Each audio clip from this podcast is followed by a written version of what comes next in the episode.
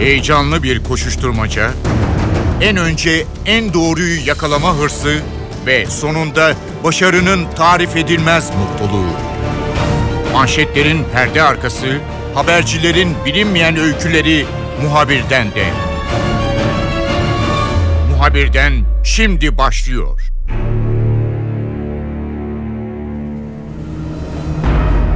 Milliyetçi Hareket Partisi'nin yaptığı çağrı sonrasında Cumhurbaşkanı Recep Tayyip Erdoğan erken seçime gidileceğini açıkladı. Artık bütün gözler siyaset sahnesinde olacak. Partiler hızla seçim çalışmalarına başlayacak. Mecliste bir takım değişiklikler olacak. Önümüzdeki dönemde çok daha fazla milletvekilinin olduğu yepyeni bir meclis bizi bekliyor. Meclisin gündeminde önemli konular vardı. Bu konular ne olacak? Çünkü yasalaşmaları bu tabloda mümkün olmayan bir takım başlıklar var, gündem maddeleri vardı. Tüm bu konuları Hürriyet Gazetesi parlamento muhabiri Nuray Babacan'la konuşacağız. Muhabirden başlıyor, ben Kemal Yurteri.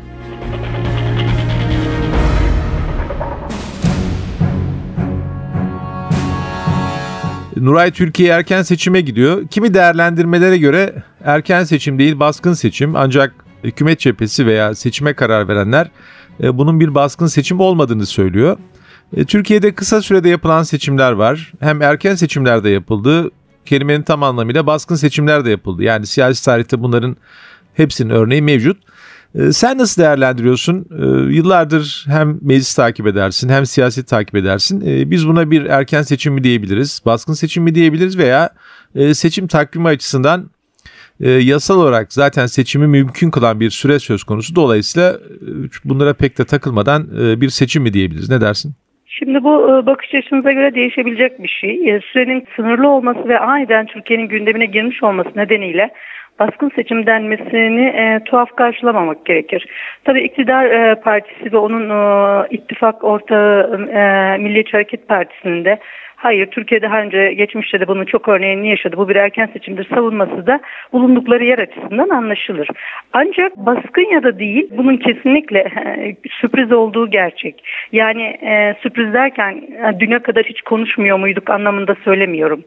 E, biz siyasi e, siyaseti izleyen gazeteciler son 6 aydan beri izleyenler de bilir. Erken seçim olasılığını sık sık gündeme getirdik. Ama biz ne zaman bunu gündeme getirdiysek iktidar partisi ya da işte siyasete hakim olan kadrolar bunun doğru olmadığına ilişkin açıklamalar yaptılar ve bu bahsettiğim son 3 ay içerisinde yaşanan bir e, gelişme. Şimdi tam onlar ısrarla erken seçim olmayacak dediklerinin e, hemen ertesi gününde MHP Genel Başkanı'nın bu konuyu gündeme getirmesi e, inanın bana e, iktidar partisinin kurmayları açısından, e, yöneticiler açısından da sürpriz oldu. O açıdan sürpriz ifadesini kullanıyorum. Ama hiç Türkiye'nin gündeminde değil miydi derseniz tabii ki gündemindeydi. İktidar partisinin karara zorlanması açısından sürpriz oldu. O zaman e, AK Parti ne yaptı? Tarih konusunda inisiyatif kullanmakla ilgili e, bir manevra geliştirdi. Genellikle sonbahar e, aylar için konuşulan bu erken seçim takvimi hızlı bir programla 24 Haziran'a hatta üniversite sınavının e, tarihini değiştirmeyi göze alacak bir hızla ilan edildi. Bu da madem erken seçim sürecini yaşamaya başladık hiç olmaz ondan sonraki süreç tarih, tarihin benim için ne kadar faydalı olup olmayacağına ben karar vereyim pozisyonuydu. Türkiye bu hızlı gelişmeleri yaşayarak 24 Haziran seçimine doğru yol almaya başladı. Nuray tabii bu durumda hep şuna bakmak gerekiyor. Yani karar alındı. Zaten Yüksek Seçim Kurulu da e, buna onay verdiğine göre e, seçim takvimi açısından da bir problem yok. Yani yasaların öngördüğü süreler içerisinde işte adaylar belirlenecek. E, propaganda yasakları, askıya çıkacak seçmen kütükleri, itiraz süreleri vesaire herhalde orada problem olmadığı anlaşılıyor. Bu durumda hep şuna bakılır. Seçime hazır mıyız? AK Parti seçime zaten bir şekilde e, hazır olduğu anlaşılıyor veya görebildiğimiz kadarıyla e, çok organize bir parti olduğu için çok çabuk toparlanabilen e, ve bu durumlarda çabuk hareket edebilen bir parti. Cumhuriyet Halk Partisi zaten muhalif her zaman muhalefet partisinin hazır olması gerektiğini düşünüyoruz. Milliyetçi Hareket Partisi'nin için ne düşünüyorsun? Yani e, bildiğim Şimdi, kadarıyla e, bağımsız girme gibi bir takım e, projeleri de falan da vardı kafalarında. Yani ittifak burada mı yapalım, Cumhurda ittifak yapalım, e, genel seçimlerde müstakil olalım falan gibi bir takım e, çalışmalar vardı. İstersen e, bu e, yaptığın analizi e, başından doğru yönlendirmede izah etmeye çalışayım. Şimdi seçim takvimi dediğinin evet doğru söylüyorsun. Bu Türkiye 45 günde de seçim gördü. 45 günlük bir seçim takvimi de hazırlıkların yapılmasına yeterli olabiliyor. Şu anda da YSK'nın istediği rakam 50-55 gün ki o da önümüzde var zaten zaten. Ama şöyle bir süreç yaşanacak. Tabii ki takvim işleyecek. İşte adayların başvurusu, Cumhurbaşkanı adaylarının başvurusu için süre verilecek. Milletvekili aday listelerinin kesinleşmesi için takvimi biz bugün e, en geç yarın göreceğiz. Çünkü bugün mecliste e, erken seçim yasası görüşülüyor. Akşamki e, resmi gazetede mükerrer olarak yayınlanmasını bekliyoruz. Yüksek Seçim Kurulu'nun da yarın e, en geç bir sonraki gün e, takvimini açıklaması bekleniyor Ankara'da. Dolayısıyla dediğiniz süreç e, bu biçimde işleyecek ama bunu yaşarken yapılması gereken bir takım işler var. Biliyorsunuz uyum çalışmalarını tanıyız e, son 6 aydan beri. Onların bazılarının aciliyet durumu vardı. Seçim yasalarında yapılacak rötuşlar vardı. Onları hızlı yapmak, biraz acele etmek gerekecek. Bunun için yetki yasası çıkarmayı düşünüyor hükümet. Yani yet meclisin takvimiyle yetiştiremeyeceklerini yetki yasasıyla yetiştirmek zorunda kalacak. Yani aslında bir sıkışmışlık ve e, durumu var. Yani o kadar çok da ellerinin rahat olduğu bir dönem değil. Ha yetişmez mi? Tabii ki yetişir. Yani geçmişte de bunun örneklerini gördük. Partiler açısından ne anlama geliyor 24 Haziran dersen e, şunu söyleyebilirim. Seçim ittifakı ile ilgili zaten çok uzun zamandır yol aldığı için AK Parti ve MHP aslında en hazır kadrolar onlar. Yani listelerin hazırlanması bir de Cumhurbaşkanı adayının kim olacağına karar verilmesi zaten Cumhurbaşkanı adayı kim olacağına karar verilmesi süreci yok. Listelerin hazırlanması da sıkıntılı bir şey değil. Ama muhalefet partileri CHP başta olmak üzere İyi Parti, HDP, Saadet Partisi gibi partilerin tabii ki muhalefet olarak hazır olmaları gerekiyor ama bunun için zamana ihtiyaçları var. Yani e, bahsettiğim sokakta gidip propaganda yapmak değil.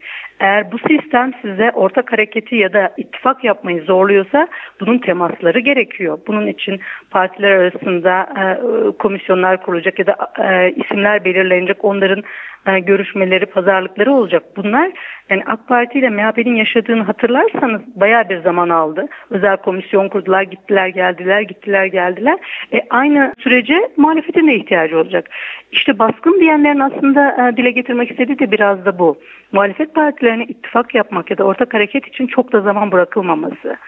Eninde sonunda onlar da hızlı turlarla ya bir ittifak çıkaracaklar bu hikayeden ya da çıkaramayacaklar e, kendileri bireysel olacak. Ama sonuçta iktidar partisi ve MHP e, açısından daha anlamlı ve e, daha iyi olan bu strateji ve takvim muhalefet partisi için biraz zorluklar içeriyor. Ha baş edilemez mi? Edilebilir. Akıllı bir yönetimle bunda sonuç alınabilir. Ama sonuçta Milliyetçi Hareket Partisi Genel Başkanı kendisi için en doğru zamanı ve strateji uyguladı bence. Partisinin daha fazla oy kaybetmeden, iktidar partisi ortak hareket ediyor olmanın avantajlarını da göz önünde bulundurarak kendisinin karlı çıkabileceği bir süreci yaşıyor. Yani bir genel başkan da kendi partisi adına bunu e, talep ediyor olmasına e, tuhaf karşılamam. Ama diğer partilerin açısından bunlar ayrıca irdelenmesi gereken bir süreç. Şimdi Nuray tabii biraz da e, siyaset, Türk siyasetinin e, bir gerçeğiyle biz karşı karşıyayız ve onu da sorgulamak lazım. Milletvekilleri Geçmişte milletvekillerini böyle erken seçim kararlarında çalıştırmak çok zor olurdu. Yani bölgesine gitmek ister artık nasıl olsa milletvekili seçilmeyecek olanlar pek parlamentoyla ilgilenmek istemez. Genel merkezden uzaklaşır. Çünkü milletvekili hakikaten tamamen kendisine göre bir takım hareketler eden e, veya bazen de kendi istikbalini düşünmek durumda olan bir figür haline gelebilir birden. Tabii milletvekillerinin hepsi öyle mi yapacak? E, hepsi öyle midir? Tam onu ben bilmiyorum. Ama bir yandan çalışması gereken bir meclis, bir yandan e, kendilerini bir şekilde listeye sokmaya çalışacak olan milletvekilleri var. Kafalarından belki bugüne kadar adaylık geçirenler var. Çünkü iki senelik bir süreyi bir tarafa bırakmak durumundalar. Bu milletvekili e, tablosu mecliste ne yapar veya seçim çalışmalarını nasıl etkiler? Aslında en, en ilginç tablo da orada yaşanıyor. E, tabii biz siyasi kulisleri yakından takip ettiğimiz için e, o ruh hallerini de daha iyi analiz edebiliyoruz. Dediğin gibi bir buçuk iki yıldan vazgeçmek bir tarafa şöyle de bir şey yaşanacak. Şimdi erken seçim tabii kadrolar yenilenecek, e, yeniden gelip gelemeyecekleri söz konusu. Eski milletvekillerinin beklentileri yeniden doğdu. Bir önceki dönemde listeye konulmayan bazı siyasi figürler e, yeniden e, pozisyon almaya çalışıyorlar ya da genel merkezlerinde görünür olarak listelere girmek istiyorlar. Biliyorsunuz bu sefer 600 milletvekili üzerinden seçim yapacağız. Milletvekili sayısı da arttığı için şans da bir ölçüde artmış olabilir. Bazıları gelemeyecek, hiç listede olmayacak. E, iktidar partisi için bunun şöyle bir anlamı daha var. E, şöyle ki şimdi bu seçimlerin hemen ardından listeye konulmayan kişilerin bakan olup olamayacaklarıyla ilgili bir beklentileri doğacak. Özellikle kurmay düzeyinde olan bazı iktidar partisi yöneticilerini eğer biz listede görmezsek ondan sonraki süreçte bakan mı yapılacaklar çok tartışılacak. Çünkü biliyorsunuz yeni dönemde bakanlar atanacağı için milletvekili olmayacağı için sayıları 15 ya da 20 ile sınırlı tutuluyor bakanlar kurulunun o kadar kadronun bakan olma olasılığı konuşulacak. E, arkasından 2019'un e, Mart ayında yerel seçim olacağı için peki listeye konulmayan, üstelik bakan da yapılmayan bu sefer belediye başkan adayı mı yapılacak konuşulmaya başlayacak. Yani siyasette beklentiler e, sürekli devam edecek. E, 24 Haziran seçimleri için listeye konulmasa bile insanlar özellikle iktidar partisi için söylüyorum. E, sonraki aşamalarda başka alanlarda değerlendirilmek için e, bir kulis faaliyeti sürece benziyor. Yani e, bu seçim kararının en büyük hayal kırıklığına uğrayan ya da en şaşkınlarının milletvekilleri olduğunu söyleyebilirim. Partilerin bir de milletvekili seçimi konusunda izlediği yöntemler vardı. Hani yoklama yapmak, e, eğilimleri araştırmak, teşkilatlarla görüşmek herhalde artık bu süreç içerisinde bütün bunların çok sağlıklı yapılması söz konusu olmayacak gibi Nuray. Ne düşünüyorsun? Evet e, çünkü dediğin gibi süre çok sınırlı. Onun 3 aya 5 aya yayan bir takvimi vardı. Önce anket çalışmaları, sonra yerelde yoklamalar, sonra genel merkez yoklamaları, sonra o üçünün birden analiz edilerek doğru adayın bulunması gibi süreçler yaşanıyordu. Ama bu e, sıkışık takvimde onların da bazılarından vazgeçilerek daha hızlı pozisyon alınacak. Bu tabii daha iyi bir karar vermeyi de zorlaştıracaktır e, bence. Çünkü e, zaman sorunu olduğu için derinlemesine analiz edilemeyecek. O da e, bu tercih yapanların karar verdiği bir şey. Ama şunu göreceğiz ilave olarak. Artık gene, e, yani hepimiz biliyoruz ki milletvekili adaylarını genel başkanlar belirliyor. Bu özellikle sağ partilerde hiç tartışmasız böyle oluyor. Yani bütün yoklamalar yapılsa tabii doğru adayı belirlemek için e, her ne kadar altyapı çalışmaları yapılsa da son sözü söyleyen genel başkan oluyor. Ama bu kez aynı durum e, Cumhuriyet Halk Partisi'nde de yaşanacak. Çünkü erken seçim olması durumunda ön seçimin yapılmaması kararı almıştı kendi kurultayında CHP. Dolayısıyla e, e CHP'nin e, milletvekili adaylarına da diğer partilerde olduğu gibi bu kez genel merkez ve genel başkan karar verecek. Meclisin gündeminde neler olacak? Şimdi uyum yasalarını biliyoruz ancak onun yetişmesi mümkün değil. E, dolayısıyla bir yetki yasasıyla eksik kalanların anayasa uyum çalışmalarının sonuçlandırılması beklenecek veya yapılması istenecek. E, bir takım önemli gündem maddeleri de vardı veya biz nasıl olsa seçimler 2019'da yapılacak diye e, meclisin gündeminde çıkmasını beklediğimiz gelen tartışma konusu olan veya yakından takip edilen konular vardı. Bunlar da kadük olacaklar bu yasama döneminde evet, çıkmadıkları için. E, evet. E, gündemde neler var? Hani hangi gündem maddeleri silinecek Nuray? Şöyle yani seçim yasasını çıkarmak önceliğimiz. Daha önce de söylediğim gibi bunu yapacağız. Ama ondan sonra biz meclisin e, e, Mayıs ayının ilk iki haftasından sonra çalışmayacağını düşünüyoruz. Bu konuda alınmış bir karar yok ama Ram, e, Ramazan ayı da geldiği için e, o iki hafta içerisinde çok gerekli ve acil olan bazı şeyler dışında bir düzenleme beklemiyoruz. Ama ekonomiyi ilgilendiren e, mesela cinsel istismar yasası vardı ve kamu için çok önemliydi. Yani ben bu iki haftanın onun için kullanılması ve yasalaştırılması gerektiğini düşünüyorum. Üniversitelerin 13 tane yeni üniversite kuran e, ve mevcut üniversitelerin ikisini bölerek e, sayıyı 15'e çıkaran bir tasarı geldi.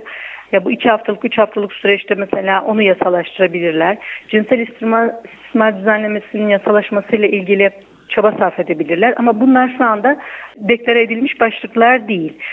Dolayısıyla bu 2-3 haftada çok acil birkaç konu dışında e, meclisten e, bir şey çıkarmasını beklemiyoruz. Geri kalan uyum dahil e, acil ve önemli şeylerin alınacak yetki yasasıyla yapılmasını bekliyoruz.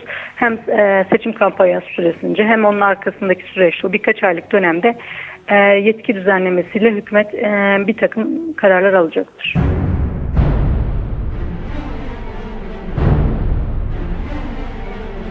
Hürriyet Gazetesi parlamento muhabiri Nuray Babacan'ın notları böyleydi.